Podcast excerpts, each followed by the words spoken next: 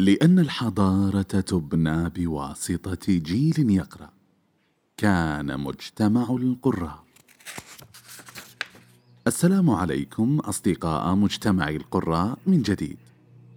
كتابنا هذا الشهر ليس كأي كتاب. الطريق إلى مكة. لصاحب هذا الكتاب قصص عجيبة. صورها في كتابه المصنف سيرة ذاتية قصصية. تحدث عن تجاربه في غمار التنوع الثقافي في الشرق الأوسط. سافر من القدس إلى ليبيا ومصر وإيران وغيرها. تحدث عن خطوات تعارفه على الإسلام. الحكاية التي عاشها بصحبة شخصيات إسلامية عظيمة. ما زالت قصصهم تروى حتى اليوم. كالمجاهد عمر المختار والملك عبد العزيز. كتاب خفيف ممتع لتنوعه في الأحداث والتنقلات المختلفة وأسلوبه المشوق. الكاتب ليوبولد فايس نمساوي الجنسية ولد عام 1900 من الميلاد. كان سيصبح رجل دين يهودي لبروزه في الدراسات التلمودية إلا أنه فضل اتباع رغباته وتحقيق أهداف أخرى بعيدة عن الدين. فسعى ليصبح صحفيا كاتبا بقلم مبدع ذاع صيته منذ سن صغيرة. بدأت رحلته إلى الشرق الأوسط بدعوة من خاله لزيارة مدينة القدس وهو في الثانية والعشرين من عمره. وكان يدعى في أوروبا أن القدس مدينة يهودية خالصة. يمر عليها بعض الرحالة العرب. إلا أن ليوبولد عرف أنها مدينة عربية عندما زارها. وهي الحقيقة التي يعرفها الجميع ويحاولون إنكارها حتى اليوم. السكان العرب وطبيعة حياتهم وعاداتهم تصرخ بوضوح. نحن أصحاب الأرض. هناك في فلسطين جرت أول محادثة بينه وبين مسلم فلاح طاعن في السن عن الصلاة. فقد سأله لماذا لا تكون الصلاة بالقلب فقط دون حركات؟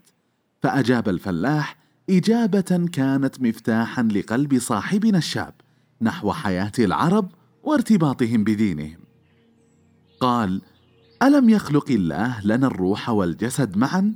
ولأنه خلقنا جسدا وروحا ألا يجب علينا أن نصلي بالجسد والروح؟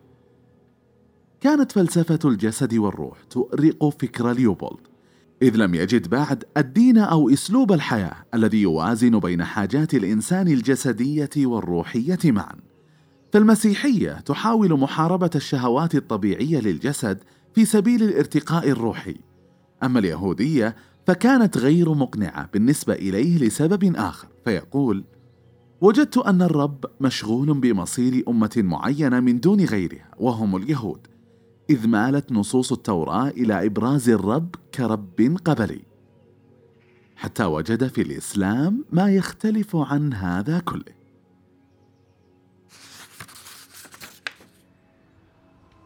رغم تعدد رحلات ليوبولد في البلاد الإسلامية فإن البلاد التي شغفت قلبه وصقلت في نفسه الكثير كانت صحراء الجزيرة العربية بواحاتها ونخيلها بهدهدة جمالها ونقاء ساكنيها. فكان كتابه مرتبطا بأهل نجد وقريبا من قبيلة شمر. يصف الحجاز وحتى وادي بيشة. عاش مع العرب قبل إسلامه أربع سنوات تقريبا. بداية من عام 1922 من الميلاد ودخل الإسلام عام 1926 ميلادية واختار له اسم محمد أسد اسما جديدا. تعلم اللغة العربية من أهلها مباشرة. تزوج منهم واكتسب العادات والقيم الأصيلة للعرب من الكرم والشجاعة. كانت رحلاته المختلفة من أجل إيجاد ذاته. أما اللحظة التي أيقن أنه حط رحاله عندها وشعر بالطمأنينة أخيرا كانت عندما سمع الأذان في المدينة المنورة بعد الكثير من التنقلات والبحث عن أصله الفطري الإسلامي.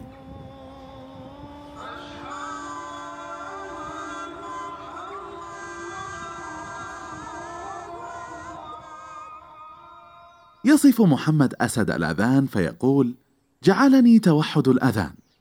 إذ هو الأذان ذاته في كل أصقاع العالم الإسلامي. أدرك عمق التوحد بين الشعوب الإسلامية وأدرك أن الاختلافات لا معنى لها.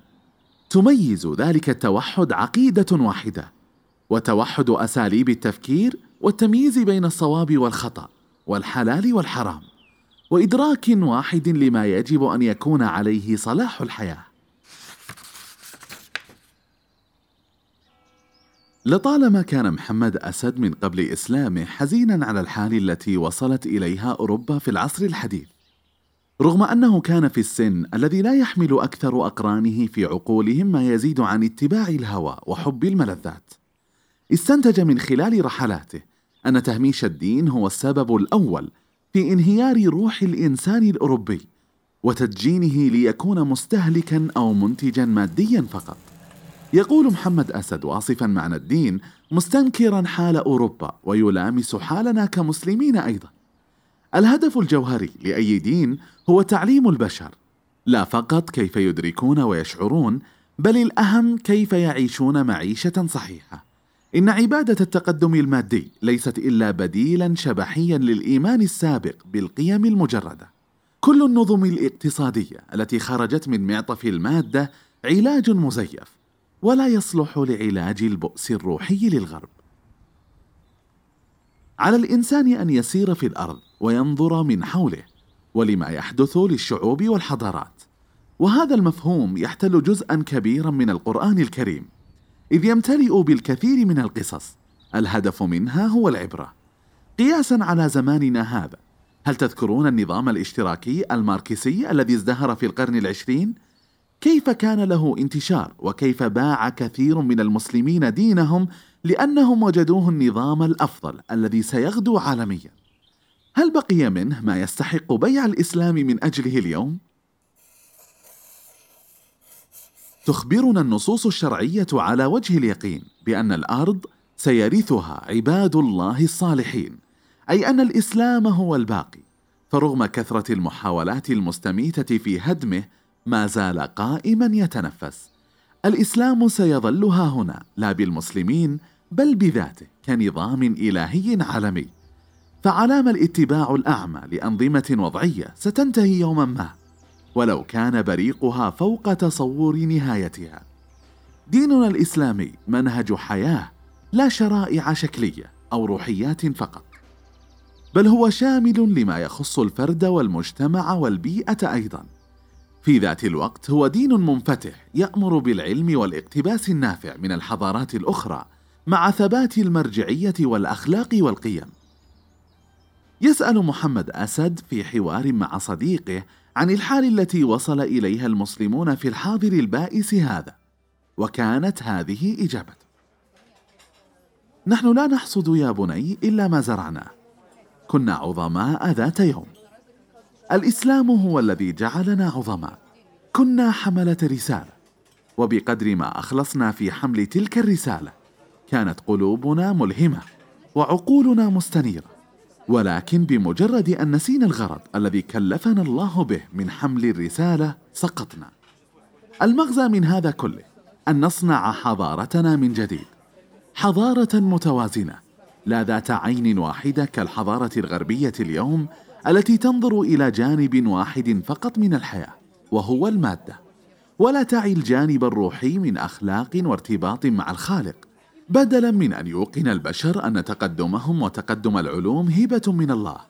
راحوا يعتقدون بشكل متزايد في حماقه أن ذلك التقدم غاية في ذاته وأنه يستحق العبادة. لو احتفظ المسلمون برباطة جأشهم وقبلوا التقدم وسائل لا غايات لن يستعيدوا فقط حريتهم الداخلية بل ربما ينقلون إلى المواطن الغربي السر المفقود لحلاوة الحياة. انتهى حديثنا اليوم عن كتاب الطريق إلى مكة. انتظروا كتابنا القادم. دمتم بخير يا أصدقاء.